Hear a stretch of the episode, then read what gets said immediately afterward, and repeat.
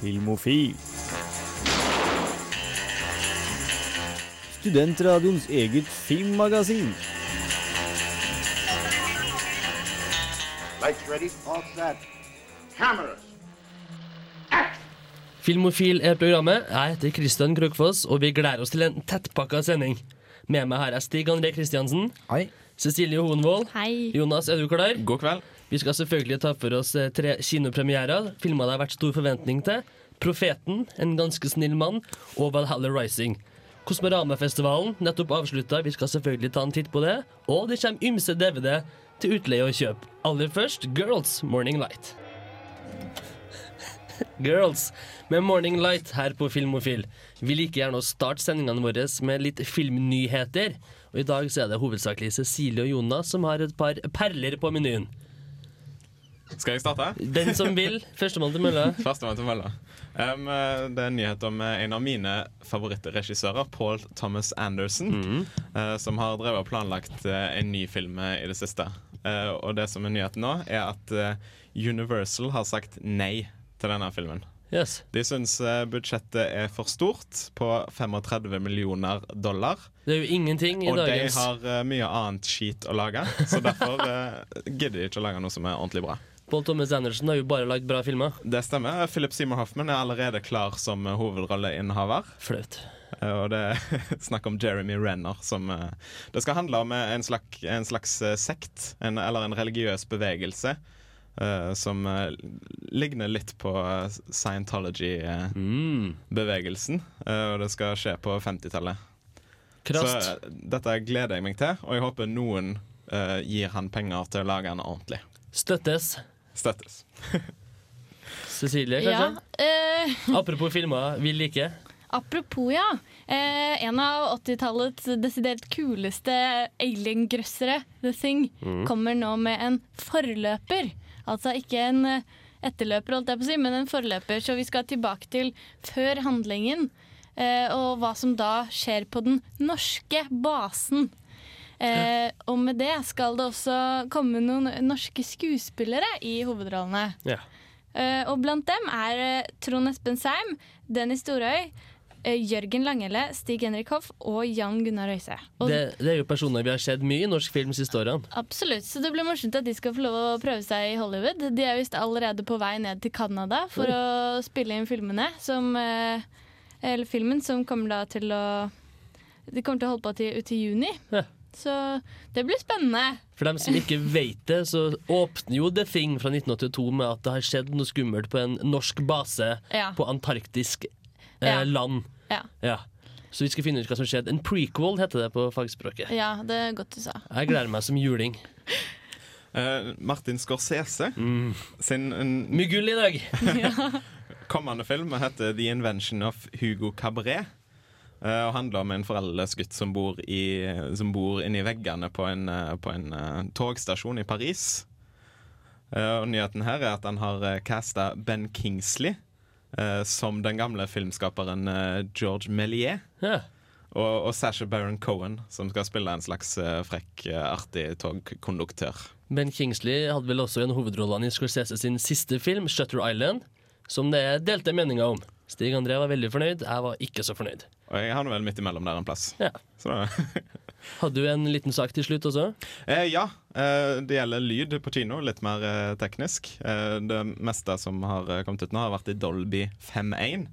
Eh, men de driver nå og jobber med Dolby 7.1, eh, som skal erstatte 5.1.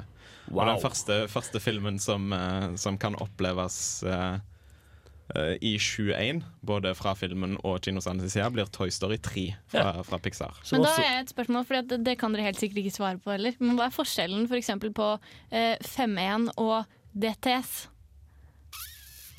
Ja, nå spør du godt. jeg som vet det, kan bare sende en mail til Filmofil etter Radio Ja, det lurer vi på. Så hvis noen kan forklare oss det på en veldig enkel måte, sånn at vi skjønner det, så blir vi veldig glad. Anbefaler kanskje Wikipedia til Internett generelt er fint der. Men da blir det altså to ekstra punkter med lyd eh, i fremtida. Jeg vet ikke om jeg kommer til å merke noe forskjell. Hva betyr men, et punkt i lyd? Ja, det, det er jo fem punkter i, i Dolby 5.1, ja. eller det er seks punkter egentlig. det Eh, Fem rundt, og så er det en uh, woofer. Ah, sånn, ja. Eh, nå blir det et ekstra punkt bak venstre og bak høyre. Ah, det svarte kanskje litt på spørsmålet til Cecilie. Eh, Ja, men Jeg vet fortsatt ikke hva DTS er, men eh, Det er sant. Jeg tar sjølkritikk. Awesome Color syng om Vision.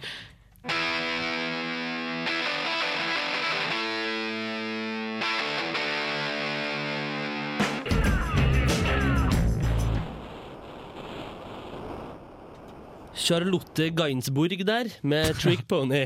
Vi har fått uh, faktisk påpakning fra høyeste ledelse om hvordan det navnet skal uttales. Du klarer det ennå ikke, Kristian. Velkommen til studio, Sverre Torp Solberg. Hjertelig. Vi skal høre din mening om Profeten.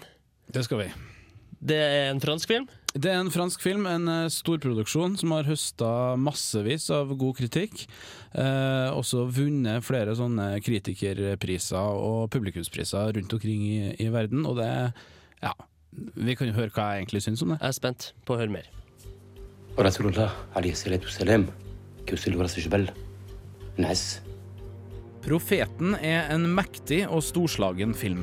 Den forteller om et hardt og brutalt fengselsmiljø som kan forvandle navnløse småkjeltringer til frykta mafiabosser. 19 år gamle Malik El-Jebena er en anonym halvkriminell skikkelse uten familie eller venner. De neste seks årene av sitt liv skal han tilbringe i et fransk fengsel, og vi får bli med. Malik har ingen klar tilhørighet til noen gruppe.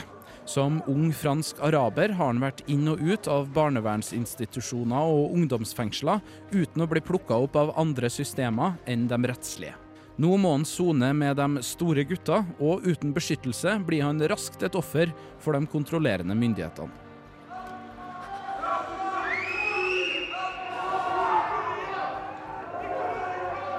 Malik kommer fort til et darwinistisk veiskille.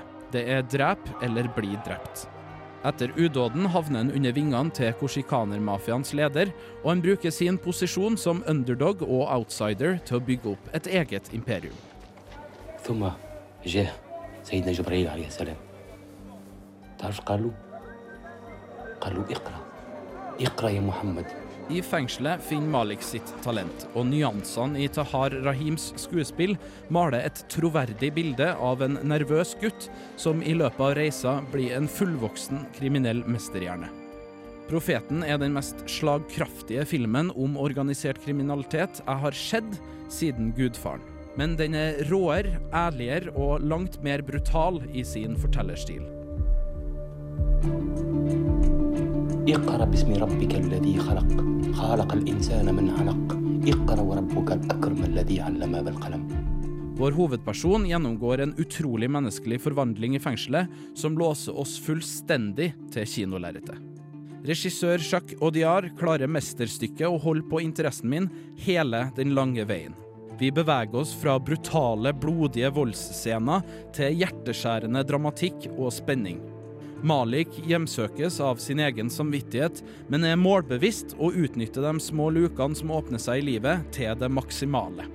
Etter 150 minutter i kinosettet er min umiddelbare reaksjon at jeg vil ha mer. Profeten er en gripende historie som med sitt realistiske uttrykk og glimrende karakterskuespill står til årets klareste sekser på denne anmelderens terning. Je comprends pas. C'est une nouvelle, c'est ça? C'est à cause de moi. Si tu rêves, si tu penses, si tu vis, c'est à cause de moi. Ça va être long, 6 ans.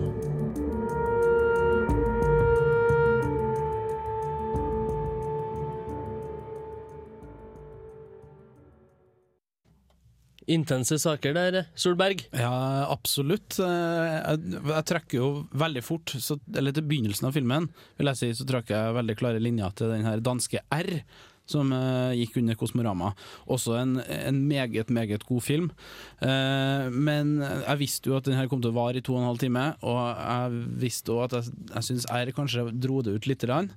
Eh, sånn at jeg var, var litt skeptisk sånn på starten, men eh, det tar seg opp. Og, eller det tar ikke seg opp, heller, for det er bare helt nydelig fra første stund. Og, og fortsetter å holde på interessen hele veien gjennom. Og det er en annen, helt annen film enn R, eh, for dem som har sett R, da. Årets film, Sverre Torp Solberg? Uh, ja, i min bok er det i hvert fall det så langt. Det er jo mye igjen av året ennå, men uh, en film som jeg absolutt uh, vil anbefale til alle kinogjengere i år. Så det her må du bruke påska på. Tusen takk, Sverre Torb Storberg. Bobby Darin synger om Mac the Knife.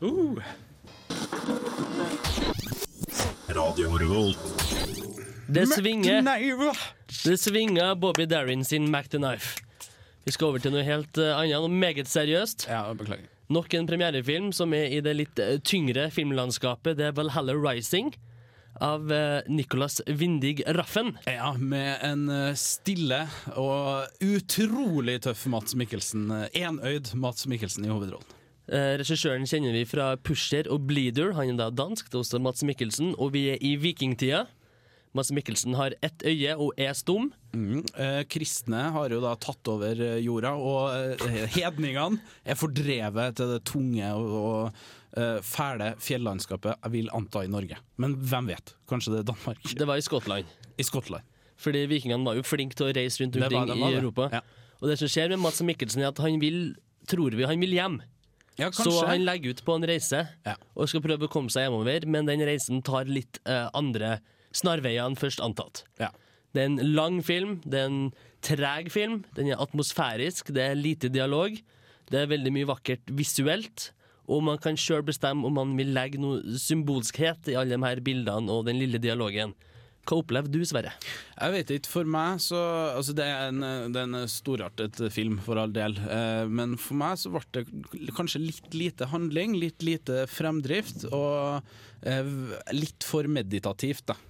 Eh, Men, eh, men det er en film som absolutt er, god, og jeg tror nok også mye av grunnen til at den blir lagt på kino i Norge, er nettopp fordi den er dansk. Det er en kunstfilm, Det er rett og det, slett, satt i vikingtida. Det er mye uh, stille synsing rundt religion, farskapsroller, uh, hjemlengsel, vold, uh, tøffe menn i et tøft, men vakkert landskap.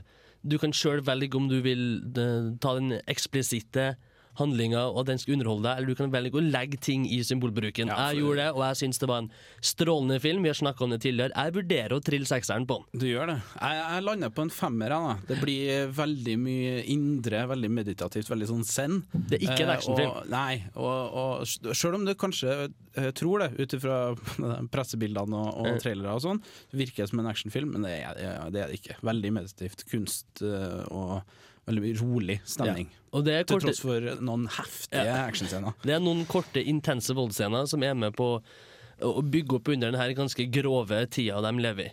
Men jeg lander på en sterk femmer til eh, Valhalla Rising og sier at det er en meditativ opplevelse som du kan velge å ta i kinosalen. Jeg blir med på femmeren din, jeg, Christian. Du fikk det her i Filmofil. Johnny Cash, We're Wayfaring Stranger. Etterpå skal vi høre Sverre Torp Solberg sin mening om den norske premieren En ganske snill mann. Og jeg føler nesten at hele panelet her må delta i debatten etterpå.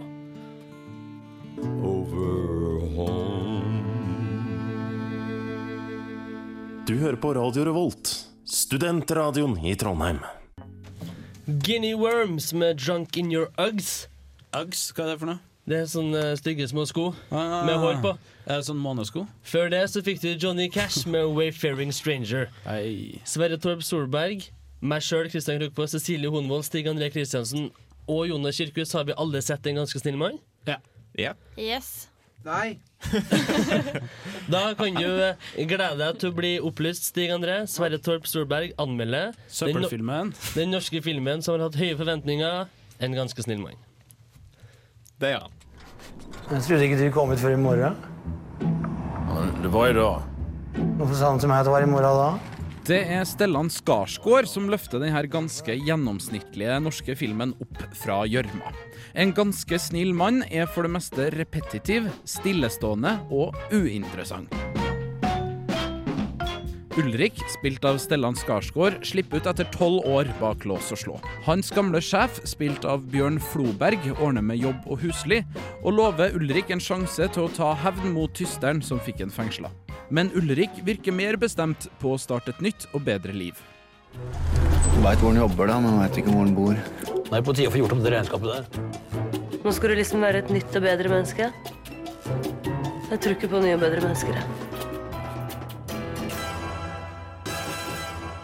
Ulrik ønsker kontakt med sønnen og søker mot nestekjærlighet og kvinner som kan lage god mat. Stellan Skarsgård maler et godt portrett av den motløse og lavmælte Ulrik, som til tross for å ha sittet inn for mord, egentlig er en ganske snill mann. Jeg er ikke så veldig glad i den tanken på at barnet vårt skal vokse opp med en farfar som skyter andre folk. Eh, Familien hennes de driver ikke med sånt, da. de driver litt mer med planteskole og sånn. Filmen er til tider småmorsom, men et jevnt over middelmådig norsk skuespill i de aller fleste biroller knuser atter en gang min tiltro til norsk film. Jeg er klar over at det her skal være komedie, men gi meg i det minste litt valuta for pengene. Et snev av personlighet og særpreg hadde vært fint. Alle karakterene er nettopp det. Karakterer. Det blir parodisk, noe som for så vidt kan fungere til tider, men ikke hele filmen igjennom. Den eneste personen som virker å inneha en viss dybde, er nettopp Ulrik. Alle andre er klovner med overfladiske motiver og føles fullstendig blotta for menneskelighet. Hva faen er dette for noe? Det er en ruger. Det ser jeg. Faen, så er han her, for å drive et loppemarked her, eller?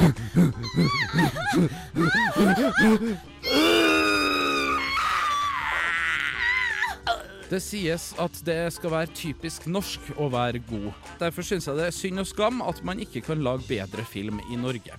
Historien blir etter hvert altfor repetitiv. Det hjelper ikke at VG syns at filmen har sitat, 'de morsomste sexscenene i norsk filmhistorie', sitat slutt, når filmen er nærmest blotta for spenning og framgang.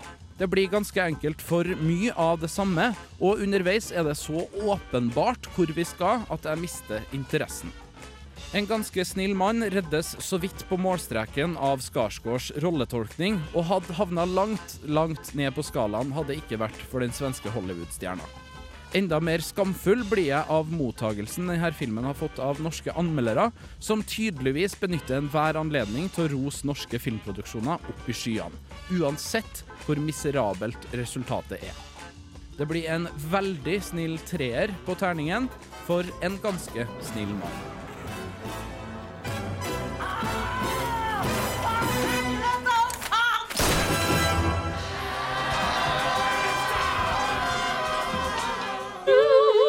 Anais Mitchell featuring Justin Vernon med Way Down Hadestown. Knipsefingeren min fikk seg en uh, god uh, halvtime nå. Ja.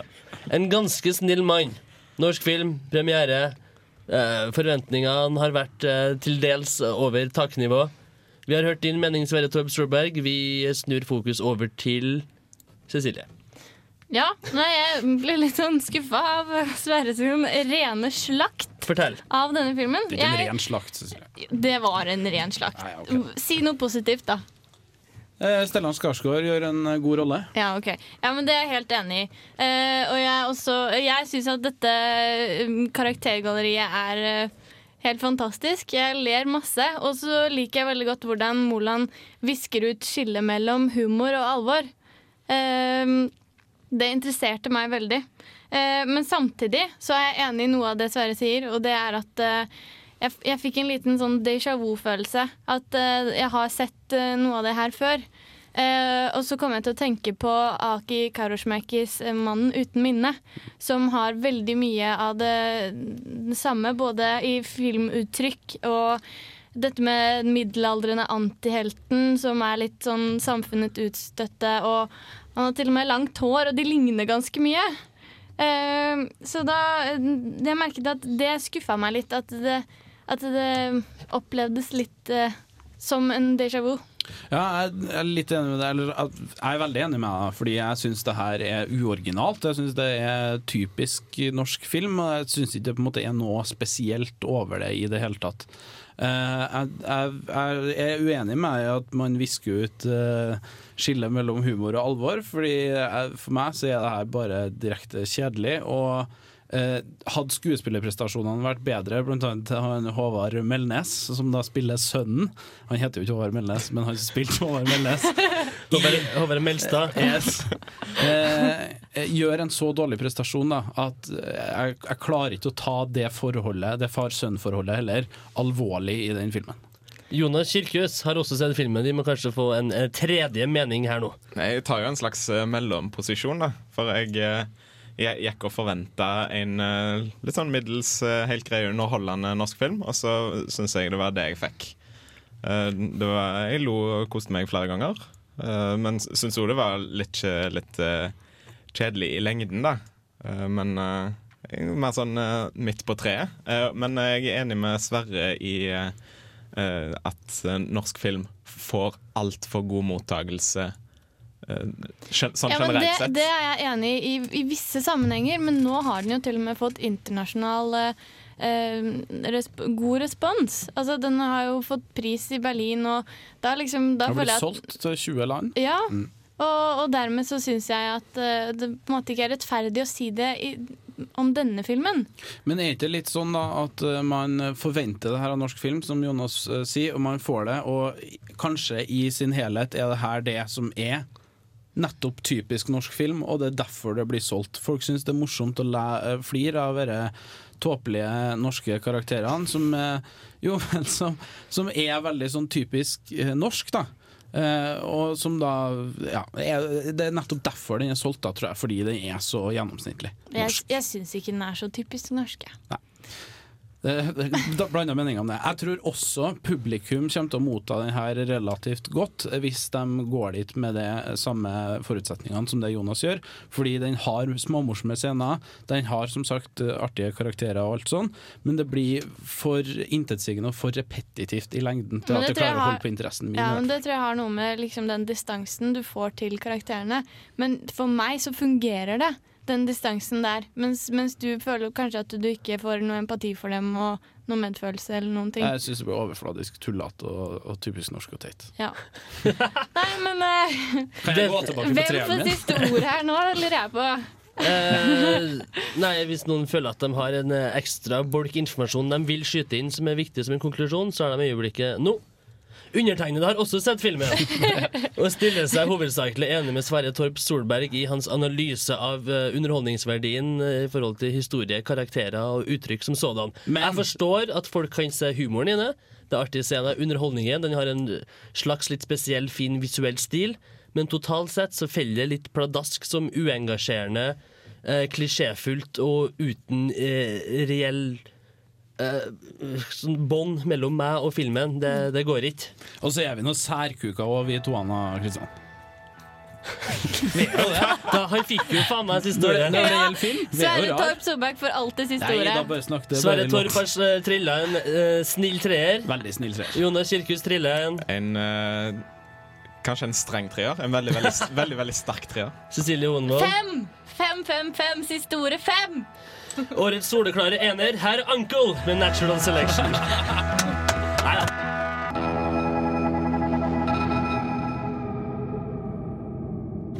Hei, det her er Selection. Josten Pedersen på Radio Revolt. Takk, Jostein. Radio Revolt. Ja. 12 points. Oi, Ypperlig, takk for det. Du hørte Uncle her på Filmofil. Kosmorama-festivalen, den sjette i rekken, har nettopp gått av stabelen her i ærverdige Trondheim by. Nidaros, pleier jeg å kalle det. I gamle dager, ja. På Mats Mikkelsens tid. Ja, sant. Hvilke inntrykk sitter vi igjen med? Vi begynner til høyre her. Cecilie Honvold. Nei, altså, jeg liker å plukke ut uh, den beste filmen. Uh, eller den beste filmopplevelsen, og det må jeg si er uh, Blest, Men det skal vi snakke om senere. Mm. Uh, og en annen film som vi også skal høre om senere, som jeg har laget en anmeldelse på, det er 'Airdoll'. Hmm. Eh, det var mine to eh, sterkeste filmopplevelser. Så Da sparer vi det til ja, da syns jeg vi skal spare det. Stig André, hvilke følelser sitter du igjen med etter Kosmorama utdeling, prisopplegg? Veldig bra. Jeg gjorde egentlig det han Ola Lund Rennholm snakket om, det å ikke le så mye om filmen før du ser dem. Eh, Og det gjorde jeg ikke. Det var ingen av filmene jeg leste som spesielt om, og ble overraska og eh, utrolig mye bra. Eh, R og Max and Wendy er vel mine høydepunkter under Kosmorama.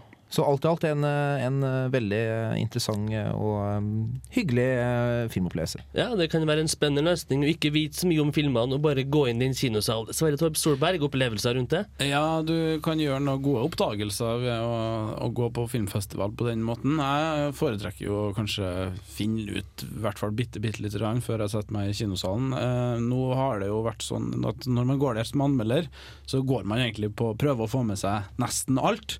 Og det har jeg prøvd å gjort i år, og det har blitt, vært eh, hektisk. Eh, Men jeg har sett veldig mye, veldig mye god film. Jeg vil trekke frem R kanskje som en av eh, de store festivalhøyderne for min del. Nå fikk ikke sett Blest engang. Jonas Kirkhus, du så Blest, som du likte veldig godt. Det skal vi høre mer om etterpå. Andre opplevelser? Ja. uh, igjen, jeg må òg trekke frem den danske filmen R uh, som uh, definitivt høydepunkt for min del. Eh, og òg Jim Jarmusch-filmen som heter Limits of Control. Limits of Control. eh, som jeg syns var veldig rar når jeg så den, men som jeg har tenkt litt på etterpå. Liker på en måte bedre og bedre. Kanskje frem til jeg ser den igjen, og så dabber det litt av igjen. Nå, det her er litt spennende, for jeg også så Limits of Control sammen med Jonas. Og når vi gikk ut av kinosalen, så sa Jonas til meg jeg likte den filmen der, men jeg vet ikke helt hvorfor. Eller han sa jeg likte filmen, jeg vet ikke hvorfor. uh, og jeg òg satt egentlig litt med den samme følelsen. Jeg likte ikke den like godt som Jonas, men jeg, jeg måtte på en måte fære og finne ut mer om den filmen her. Eh, og det var spennende. Jeg syns vi skal snakke litt mer om det litt senere i sendinga. Men hva, hva er din oppfatning av Kosmorama? Eh, personlig så er jeg veldig glad med at Trondheim har fått en sånn her festival, og at de har greid å holde det seks år på rad. De har jo snakka om at det har vært synkende billettsalg hvert år, og det synes jeg er skuffende. Da må Kosmorama sjøl bestemme hvorvidt om de skal kanskje gjøre om på programmet og happeningsene sine for å dra mer av den gemene hop, eller de skal kjøre videre på et knallhardt, dystert, uh, realistisk, melodramatisk program som de, jeg syns de gjorde i år. Ja, det er lite publikumsvennlige filmer. Publikumsfavorittene er det veldig lenge mellom. Det er liksom et par-tre filmer. Eh, da 'Ganske snill mann', en ganske vanlig dag på jobben. Eh, og kanskje den her avslutningsfilmen også, eh, Philip, I I love love, you, Philip Morris, som på en måte er eneste store kommersielle eh, filmene. Ellers så er det mye sånn independent og litt smårart. Sånn sett syns jeg programmet i fjor var en del bedre. Eh, Det var litt flere sånne feel good-filmer, gjerne litt mer publikumsvennlige filmer, som fortsatt var sære nok til ikke å bli satt opp på vanlig kino, men var, som var veldig gode. Eh, Det var flere filmer jeg gleda meg til eh, i fjor. Selv om det kanskje ikke er alle som levde opp, så var det flere som virka fristende å gå på som publikum. det er tungt å se fire eh, to og en halv timers israelske familiedrama eh, på rappen, og det skjønner jeg at også publikum har vanskeligheter med å akseptere. Jeg er jo skuffa over at det var litt lite dansk film, for i fjor var det mye dansk film. Og jeg, jeg elsker jo dansk film, og det var òg den ene danske filmen som var i år, som var den beste. Så Men var det noe svensk i det hele tatt? Det er en Det var det ganske snill mann. Stellan Skarsgård. Det virker for meg som Ko- Kosmorama det er på en måte litt ute og smaker på hva publikum, eh, publikum liker. Eh, Jeg håper at de tar selvfølgelig litt erfaringer fra Tromsø filmfestival og med Ola Lund i spissen. Så, så eh, håper jeg og tror at Kosmorama kommer til å utvikle seg, siden de fortsatt er ganske ung som, som festival. Årets Kosmorama-prisvinner Blest skal vi høre mer om etterpå. First Bloody Knives, Hands Around My Neck. Eh, mitt navn er Mikael Olsen Leon. Jeg har gleden av å ønske dere hjertelig velkommen til denne årets kanonprisutdeling. Det er fantastisk kjekt å se at det er så mange folk her. Spesielt fordi at akkurat nå så er det sesongpremiere på eh, svenske Hollywood-fruer på TV3. Ja, men jeg mener det. I kveld så skal vi få vite hvilke nye muligheter separasjon mellom Anna Anka Pål Anka vil gi Anna. Jeg mener det. Jeg kan ikke vente. Så hvis det er greit for dere, så gjør vi dette unna rimelig raskt.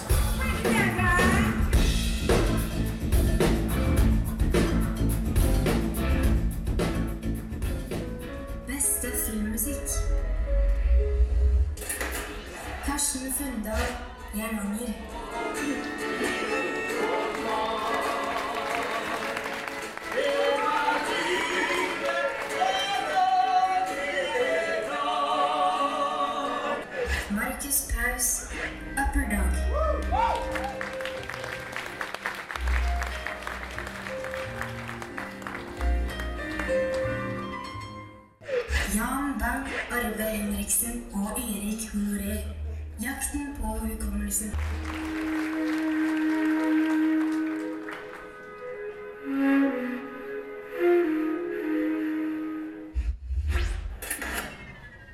Vinneren er Jakt på hukommelsen, Jan Bang, Arve Henriksen og Erik.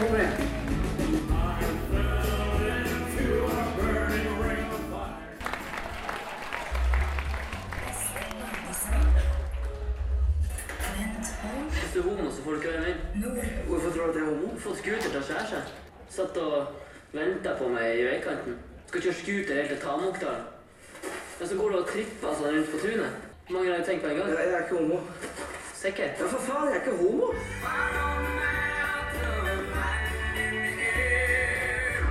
Tormod Ringnes. Vegas.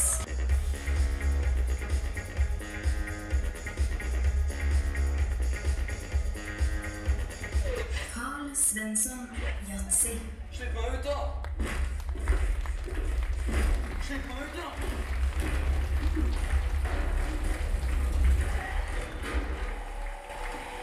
Ja, og vinnerne Nord Bentholm!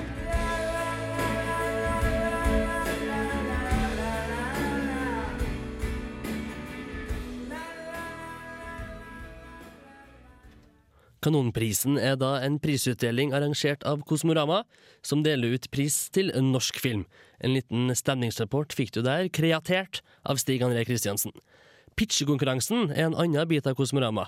Får du den prisen, altså beste pitch, manusidé, så kan du få 100 000 kroner for å videreutvikle det manuset.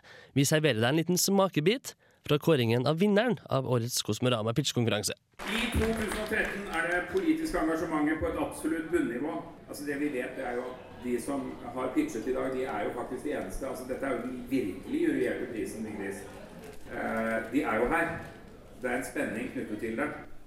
Ikke så mye lenger nå, men nå nærmer det seg. Nordmenn har sluttet å stemme, og roboter melder seg inn i Arbeiderpartiet og kommer til makten på legitimt vis. Da bryter helvete løs, og den eneste som kan redde oss, er Jonas Gahr Støre med sin penislaser. I en kobling av Supermann, Terminator, Halvseint og South Park har manusforfatteren strukket kjølen for ellevill politisk action-thriller-satire. Og det er vel ikke noen hemmelighet for han som får denne prisen. Årets pitchepris går til Frode Andersen for Ultra Sheriff The Movie. Bobby Birdman, I Will Come Again. Blest var filmen som vant uh, Kosmorama-prisen. Den slags uh, publikum-jury bestemmer seg for en ja, vidunderlig film. Cecilie Honvold skal fortelle meg litt mer om det etterpå. Først skal jeg høre hva Jonas Kirkhus faktisk syns om Blest. Why don't you tell me about your kids? Why? Did you take my money? No, I was just asking for some. You're lying. Daniel!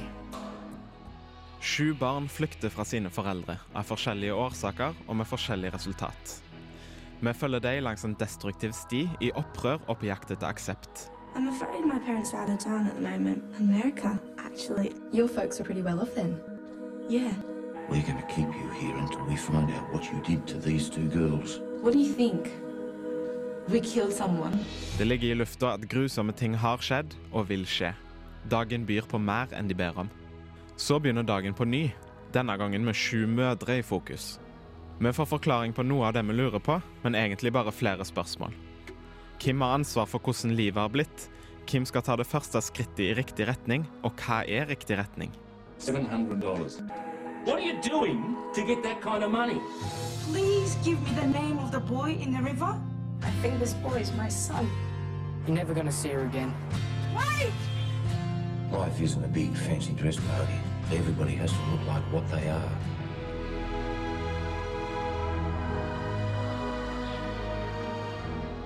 Blest sliter med å gripe tak i meg fra starten av. Enkelte karakterer fremstår noe karikert, og skuespillet halter litt. I flere scener er jeg litt for klar over at jeg sitter og ser på en film. Men når filmen får komme ordentlig i gang, med stødigere rytme og mer intens tematikk, vet jeg at det var verdt å vente på. His name is Boo. He's been missing for more than a week now.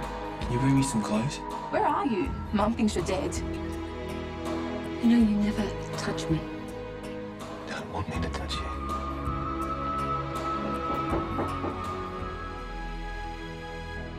Det er deilig at de delene av filmen som funker, er så bra at de drar meg inn i fiksjonen igjen, griper tak i meg og ikke slipper taket før lenge etter at jeg har forlatt kinosalen. Skuespillerne er dyktige, noen av de briljante. Kameraet er nært og intimt, og musikken binder det hele veldig fint sammen. Godt håndverk, særlig et stykke ut i filmen. Blest er sår og på mange måter vakker i all sin grusomhet. Det er en gripende, ekte og ærlig film om mennesker som er offer for livets og hverandres ujevnheter. I det hele tatt blir Blest en varierende filmopplevelse, hvor jeg sliter med å tro på noen deler, mens andre deler virkelig griper tak i meg. Heldigvis er det de positive inntrykkene som sitter best i etterkant. Terningkast fire. So. My whole life is one big assessment.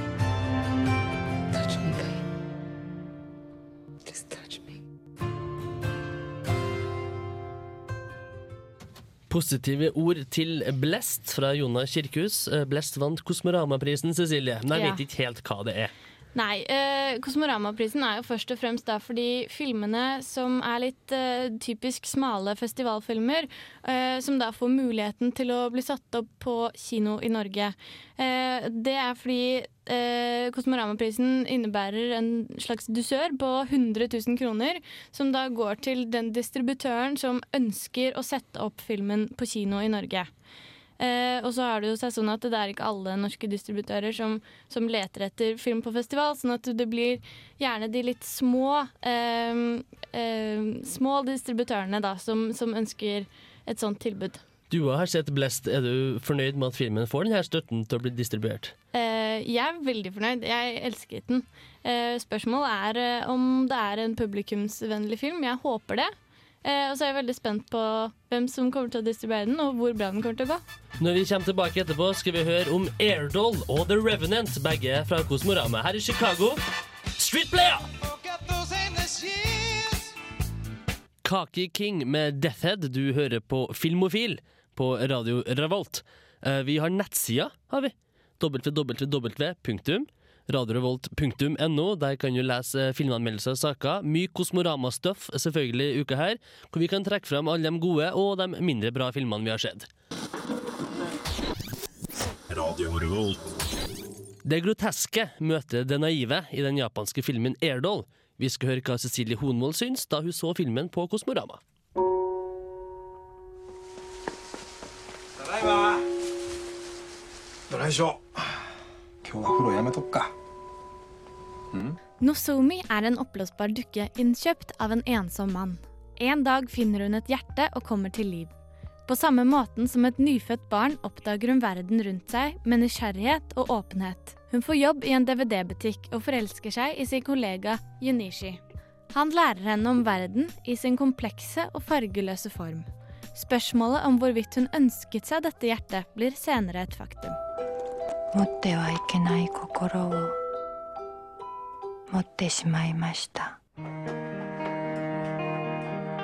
I motsetning til Lars and the Real Girl fra 2007, som handler om en oppblåsbar dukke i sin originale form, handler Airdoll altså om en dukke som får menneskelige kvaliteter. Denne japanske Pinocchio-historien er en morsom, kreativ og herlig fantasihistorie, sprengfull av metaforer.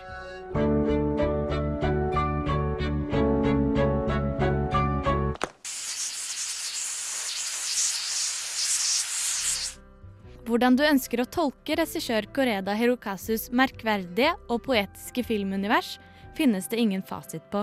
På mange måter er det også det som gjør opplevelsen så fantastisk. Er Nozumi et bilde på undertrykte kvinner som brukes for å tilfredsstille menn? Eller bærer hun med seg en kritikk mot det moderne menneskets tomhet?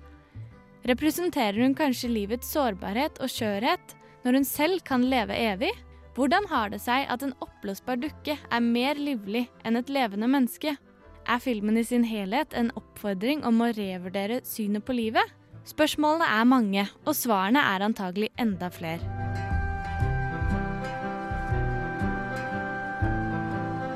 De lange tagningene og godt utspilte scenene gir rom for ettertanke.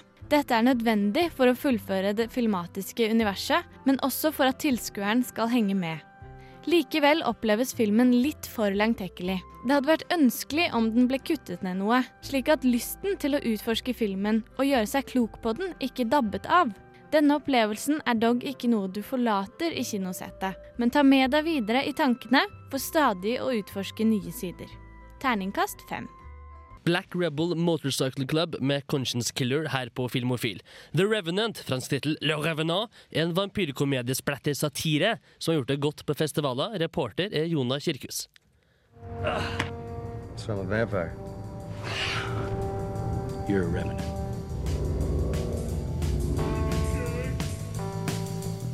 Offiseren Bart Gregory blir drept i krig, men det er ikke hans største problem. Etter begravelsen våkner han nemlig opp igjen. Blake, kald og kvalm, oppsøker han kompisen Joey, som er morsom hele tida.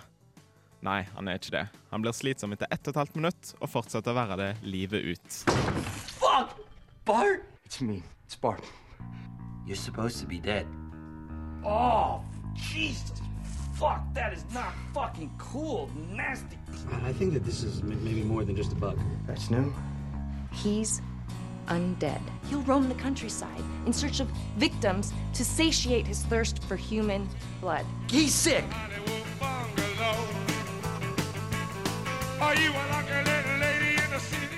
Når de omsider finner ut at Bart er en levende død og trenger friskt menneskeblod for å unngå å råtne, blir de nødt til å bli kreative. De ender opp med å dra rundt og rydde byen for diverse avskum, kriminelle og uteliggere. He's sick! He has a virus! You have to chop off his head. He'll need to drink human blood. If he doesn't, his soul will be in eternal agony. That is so wrong.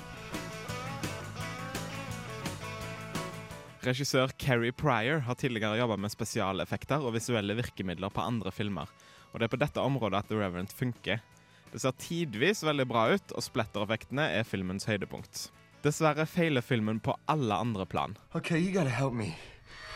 You want me to kill them? These are the dregs of society. They have no jobs, no family. You think someone's gonna notice if they don't show up at the freeway exit ramp one day? Oh, thank you very much, sir. It's from a vampire.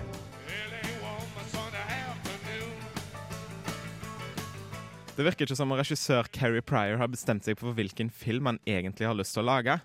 For å dra de kule effektene sine ut i en hel film har han putta det inn i en syltynn historie uten et eneste troverdig element. Det er ikke spennende nok til å være action, ikke morsomt nok til å være komedie, og ikke teit nok til å være parodi. En kjærlighetshistorie som er irriterende og intetsigende, altfor mange billige og pubertale vitser og total mangel på smarte løsninger. Hvis vi tenker litt over den politiske tvisten på slutten, er det ikke mye snert i den heller. For at historien skal gå framover, må de ty til halvveis forklaringer og utrolig lettvinte løsninger. Et par eksempler. De kan spasere rett inn på et sykehus og forsyne seg med blod. De finner frem til kriminelle ved hjelp av en politiradio, men er alltid på plass før politiet er der. Og i ett tilfelle løper den dødelige Joey inn i en farlig situasjon for å redde sin udødelige kompis. Totalt sett blir det altså bare et kjedelig rot. The Reverend faller mellom minst fire stoler, men kommer sikkert til å gjøre det bra på DVD. Fucking cool is that, dude? The Revenant, som da gikk på Kosmorama. eh, Jonas, eh, Sverre Torp Storberg og meg sjøl. Kristian Krokfoss. Vi så den i lag. Og jeg kan åpne ballet kjapt med å si at jeg hater The Revenant, og det er en skitfilm, og jeg triller eneren glatt. Ja. Uh, um, ditto. Jeg, jeg er jo den i redaksjonen som likte filmen best, eh, så jeg eh, strekker meg til en svak, svak toer. Uh, Men uh, uansett, hadde jeg vært 13 år, så hadde jeg sikkert digga det. Det er ikke den første Kanskje. svake toeren du har Nei, det. Jeg gidder ikke ta det. Uansett, Revenant er en forferdelig film. Les anmeldelsen på nett hvis du vil, og, uh, Du til og få, med og få med deg uh, nok en gang de vidunderlige punktene til Jonar Kirkehus. Etterpå skal, skal vi høre et intervju med Anders Basmo Christiansen, som vant en eh, kanonpris for sin rolle i Nord. Stig André prata med han. Først Sirens and Us. Raise the Valiant Flag. Revenant, shitfilm. Revenant, Kirkehus Radio, Radio, Shitfilm. Sirens and Us med Raise the Valiant Flag her på Filmofil. Markerer du saken min? Ypperlig. Eh, Stig André Kristiansen har tatt en prat med Anders Båsmo Kristiansen, som vant beste mannlige hovedrolle under Kanonprisen på Kosmorama. Han tok en prat med han om hva hans beste øyeblikk i filmen var, og hvordan det var å spille en alkoholisert dude, Smilemunn. Ja, flust av gode øyeblikk, for det var en uh, veldig fin gjeng som uh, var litt som å dra på leirskole, liksom. Det var, uh, filma to uker i Trondheim i Kråkehallen, og så filma resten på filmcamp i Målselv. Og så uh, altså Det var av det, men, men jeg spilte mot ei ung jente som het Marte Aulemo. Så spilte hun unge Lotte.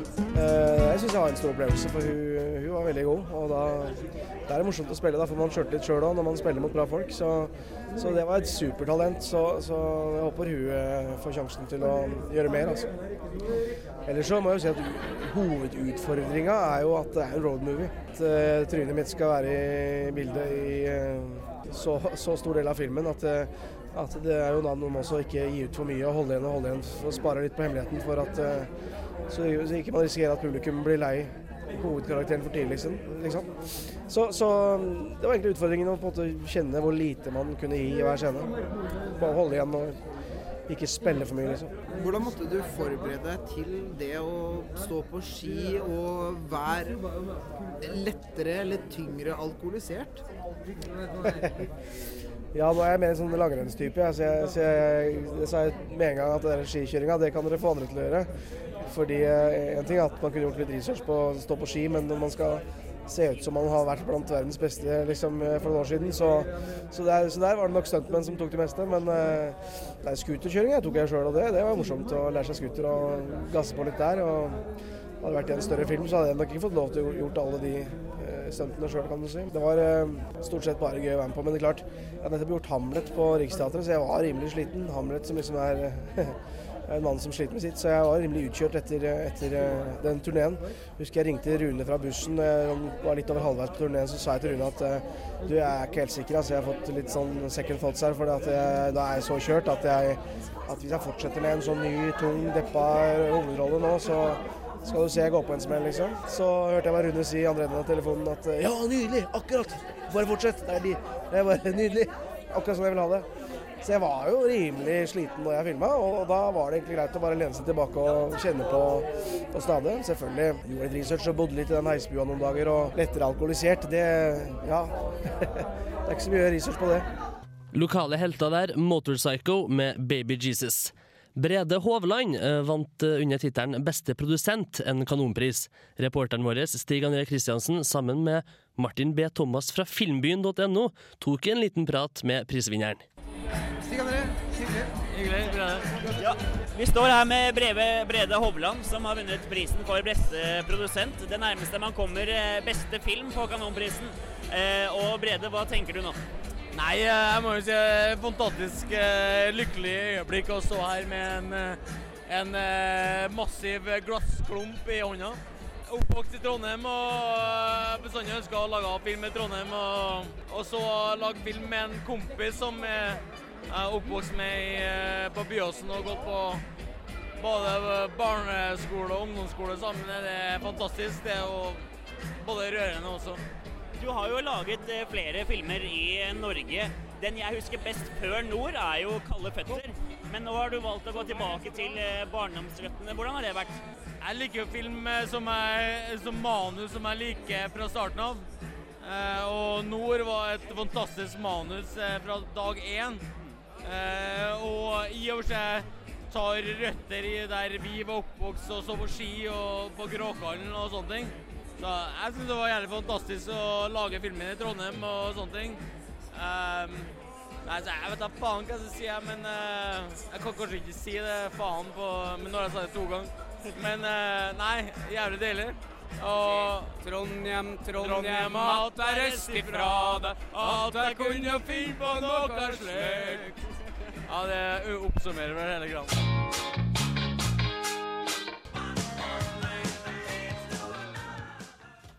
The Fix med One Thing Leads to Another, en sang fra 1983 som var veldig eh, fremtredende i grøssefilmen House of the Devil, som ble vist under Kosmorama. Vi sier at det var ukas filmlåt her på Filmofil, og med det så sier vi adjø til filmfestivalen som gikk av stabelen. Vi er nå på DVD-seksjonen her i Filmofil. Eh, Først ut er Jonas Kirkhus, som tok en titt på Serious Man, som var skrevet og regissert av Joel og Ethan Cohen. Han likte den veldig godt, tror jeg. Please, I need help. Don't you want somebody to love? Don't you need somebody to Gud hater Larry Gopnik. Det føler iallfall Larry Gopnik sjøl. I de fleste delene av livet sitt blir Larry utsatt for prøvelser, og selv om han er en særdeles tålmodig mann, blir det mye for Larry òg i lengden. Marital problems, professional, you name it. This is not a frivolous request. This is a ser... I'm a ser- I'm uh I've tried to be a serious man, you know?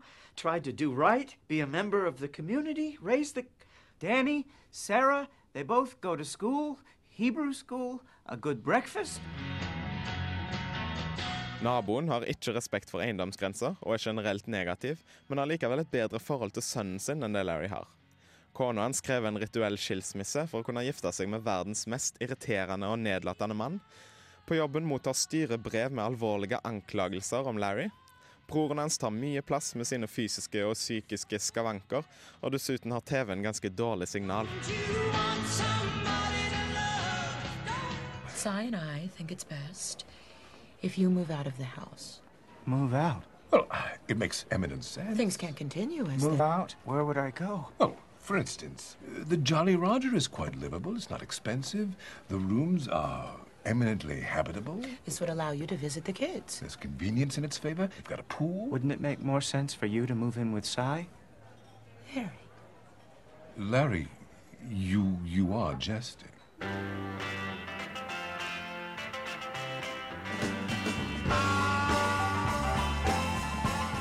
Larry føler seg som en slags moderne jobb, en som Gud har bestemt seg for å ta. Og Jobbs bok er ikke den eneste religiøse referansen her. Vi befinner oss i et jødisk miljø på 60-tallet, og det er så fullt av jødiske personer, tradisjoner, uttrykk og referanser at jeg får lyst til å studere Toraen, for så å se filmen en gang til. The rabbi is busy. He didn't look busy. He's thinking. Larry er fysikkprofessor og jobber med å finne matematiske løsninger på umulige paradokser, som eksempel med Schrødingers katt som er død og levende på en gang. Sånne problemstillinger ender ofte opp med svaret God knows. Please, I need help. Men ikke engang Gud vet svarene på Larry sine problemer. I alle fall ikke Guds talsmenn, de tre rabbinerne som Larry søker svar hos. I need help. We're gonna be fine. I've tried to be a serious man. We're gonna be fine. Som vanlig i Cohen-filmer så går det meste til helvete, og karakterene er akkurat passe karikert og ekte på en gang. A Serious Man er full av symbolikk og referanser, men om du ikke oppfatter noen av de, er det fortsatt en fabelaktig historie og en av årets beste filmer. Det er en mørk komedie, lydlagt som en skrekkfilm, nydelig filma av Cohen-brødrenes hofffotograf Roger Deakins, stappfull av gode, ikke så altfor kjente skuespillere, og laga med kvalitet i hvert eneste ledd. Noe jeg faktisk har begynt å forvente av Joel og Ethan Cohen. Don't you want somebody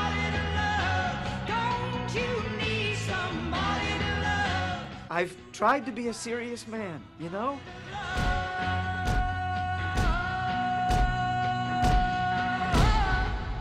The Kills med Gypsy Death in You. Flott liten perle der, altså. Vi i Filmofil vi er i DVD-hyllene. Jeg har tatt en titt på den britiske dramakomedien Looking for Eric, som er å finne på hyllene. It's funny, isn't it? Sometimes we forget that you're just a man. I'm not a man. I am Cantona. For it? Yes! Operation Cantona! Britisk arbeiderklasserealisme er nesten som en egen sjanger å regne. Og det her regissør Ken Loach har funnet sin nisje. I Looking for Eric møter vi den fotballgale postmannen Eric Bishop, som sliter med panikkanfall, to småkriminelle stesønner og et trøblete forhold til ekskone og datter. Han spilles av Steve Evets, også kjent som tidligere bassist i kultbandet The Fall. How's your self-care, Eric? Have you ever thought about killing yourself? Livet til postbudet Eric er som en nedadgående spiral.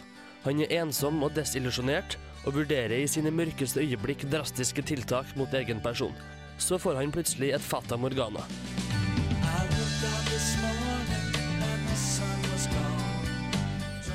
Den legendariske fotballspilleren Eric Cantona møter opp for å gi råd og hjelpe mannen med å stable seg på beina. De skal sammen skape arbeidsglede, familielykke og kontakt med hans første kjærlighet, Lilly. Veien blir enda vanskeligere når stesønnen blir involvert med lokale gangstere, men det får briste eller bære. Eric Bishop har et mål om at alt skal bli bedre.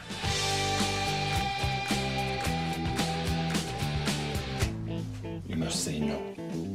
No, no! Form your balls. No, no, no, no, no, no, no! 'Looking for Eric' er en salig blanding. Til tider dyster, ofte komisk. Gaterealisme møter en voksen manns fantasiverden. Tragedie møter feelgood. Manuset spriker i flere retninger, men alle trådene bindes godt sammen og blir en troverdig fortelling om familie, fotball, vennskap og kjærlighet. Skuespillet er førsteklasses, og spesielt Steve Evans gjør en imponerende rolle som vår helt, postmann Eric. Vi møter også Eric Cantona i rollen som en hallusinasjon. Og dog han ikke er verdens beste skuespiller, så viser han en varme og klokskap som passer ypperlig for å drive historien framover. Like you know. Sometimes we didn't do anything, we just, just sat there and just held each other's eyes. I've never done that with anyone else, Lily Divine. God underholdning om troverdige figurer er fint å se. Erkebritiske typer har alltid vært populært i Norge, og jeg håper publikum tar seg tida til et nært drama om mennesker som oss, som vil gjøre en innsats for seg sjøl og andre. Ken Loach trykker på alle de riktige knappene, og jeg sier meg godt fornøyd med Looking for Eric. Only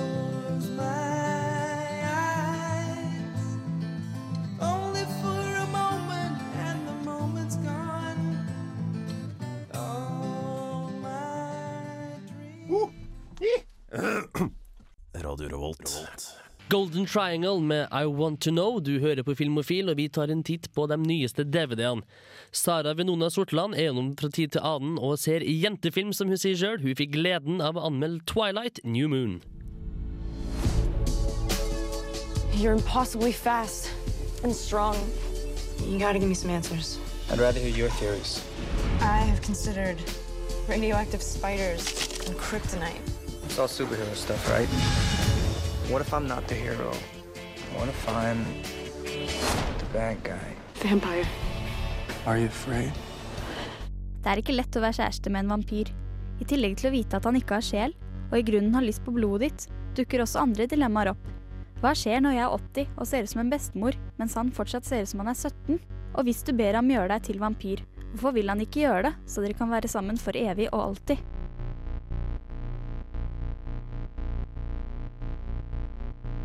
Stephanie Meyers bokserie Twilight, som handler om Bella og vampyrene, har blitt en enorm suksess verden over. Og det samme må også sies om første film, 'Evighetens kyss', som kom i 2008. Filmen har blitt sett av vampyrelskere verden over, og forventningene til film nummer to, 'New Moon', er høye.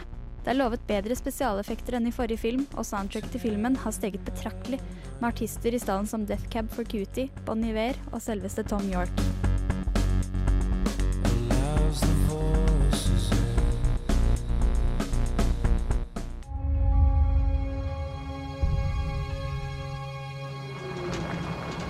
It's my birthday.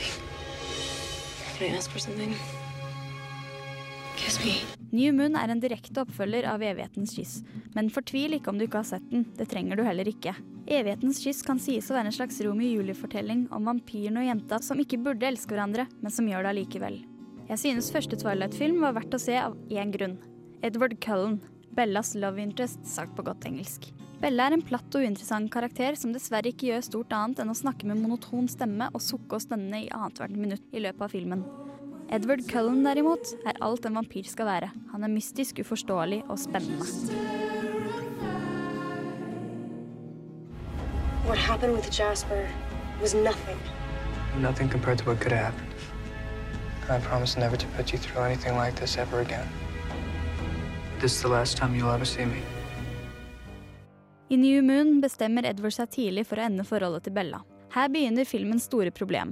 Den eneste som er interessant i filmen, forsvinner, og igjen sitter vi igjen med Bella og hennes kjærlighetssorg. Jeg skal love deg at en karakter som i utgangspunktet er kjip, blir enda kjipere når hun er lei seg.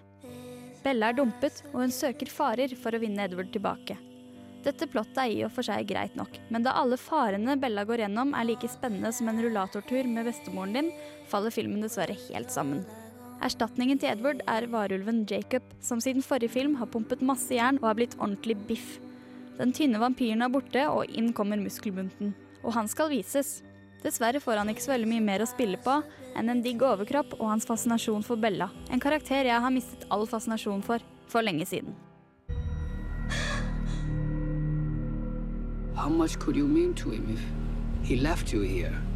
unprotected? protected, but I can't help myself. You are so mouth-watering.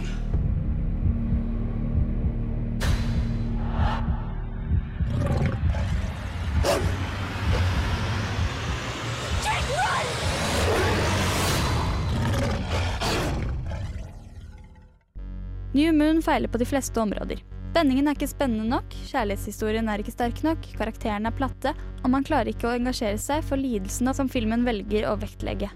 Den lille erotiske undertonen som så vidt var synlig i evighetens kyss, er også borte vekk. Og igjen sitter jeg kun med et par fine bilder av en kjekk vampyr, og ønsker meg at filmen kunne vært like bra som det soundtrack som jeg nå mener er filmens eneste styrke.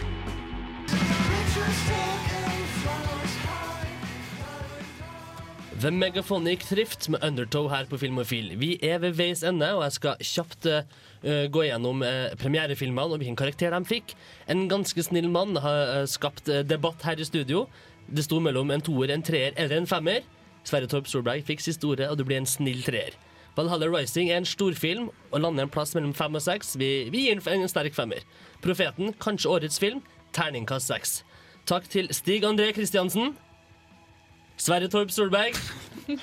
Sara Venona Sortland. Cecilie Hoenvold. Ja, Ja, Jonas Kirkhus takk. måtte vi glemme. Jonas Kirkhus for både innspill og teknikk. Og tusen, tusen, ta- tusen, tusen takk til deg også, Kristian Krokfoss. Gå på radiorevolt.no, gå på Facebook, eh, ta en pils og ha det fint. Her er Zombies, The Way I Feel Inside.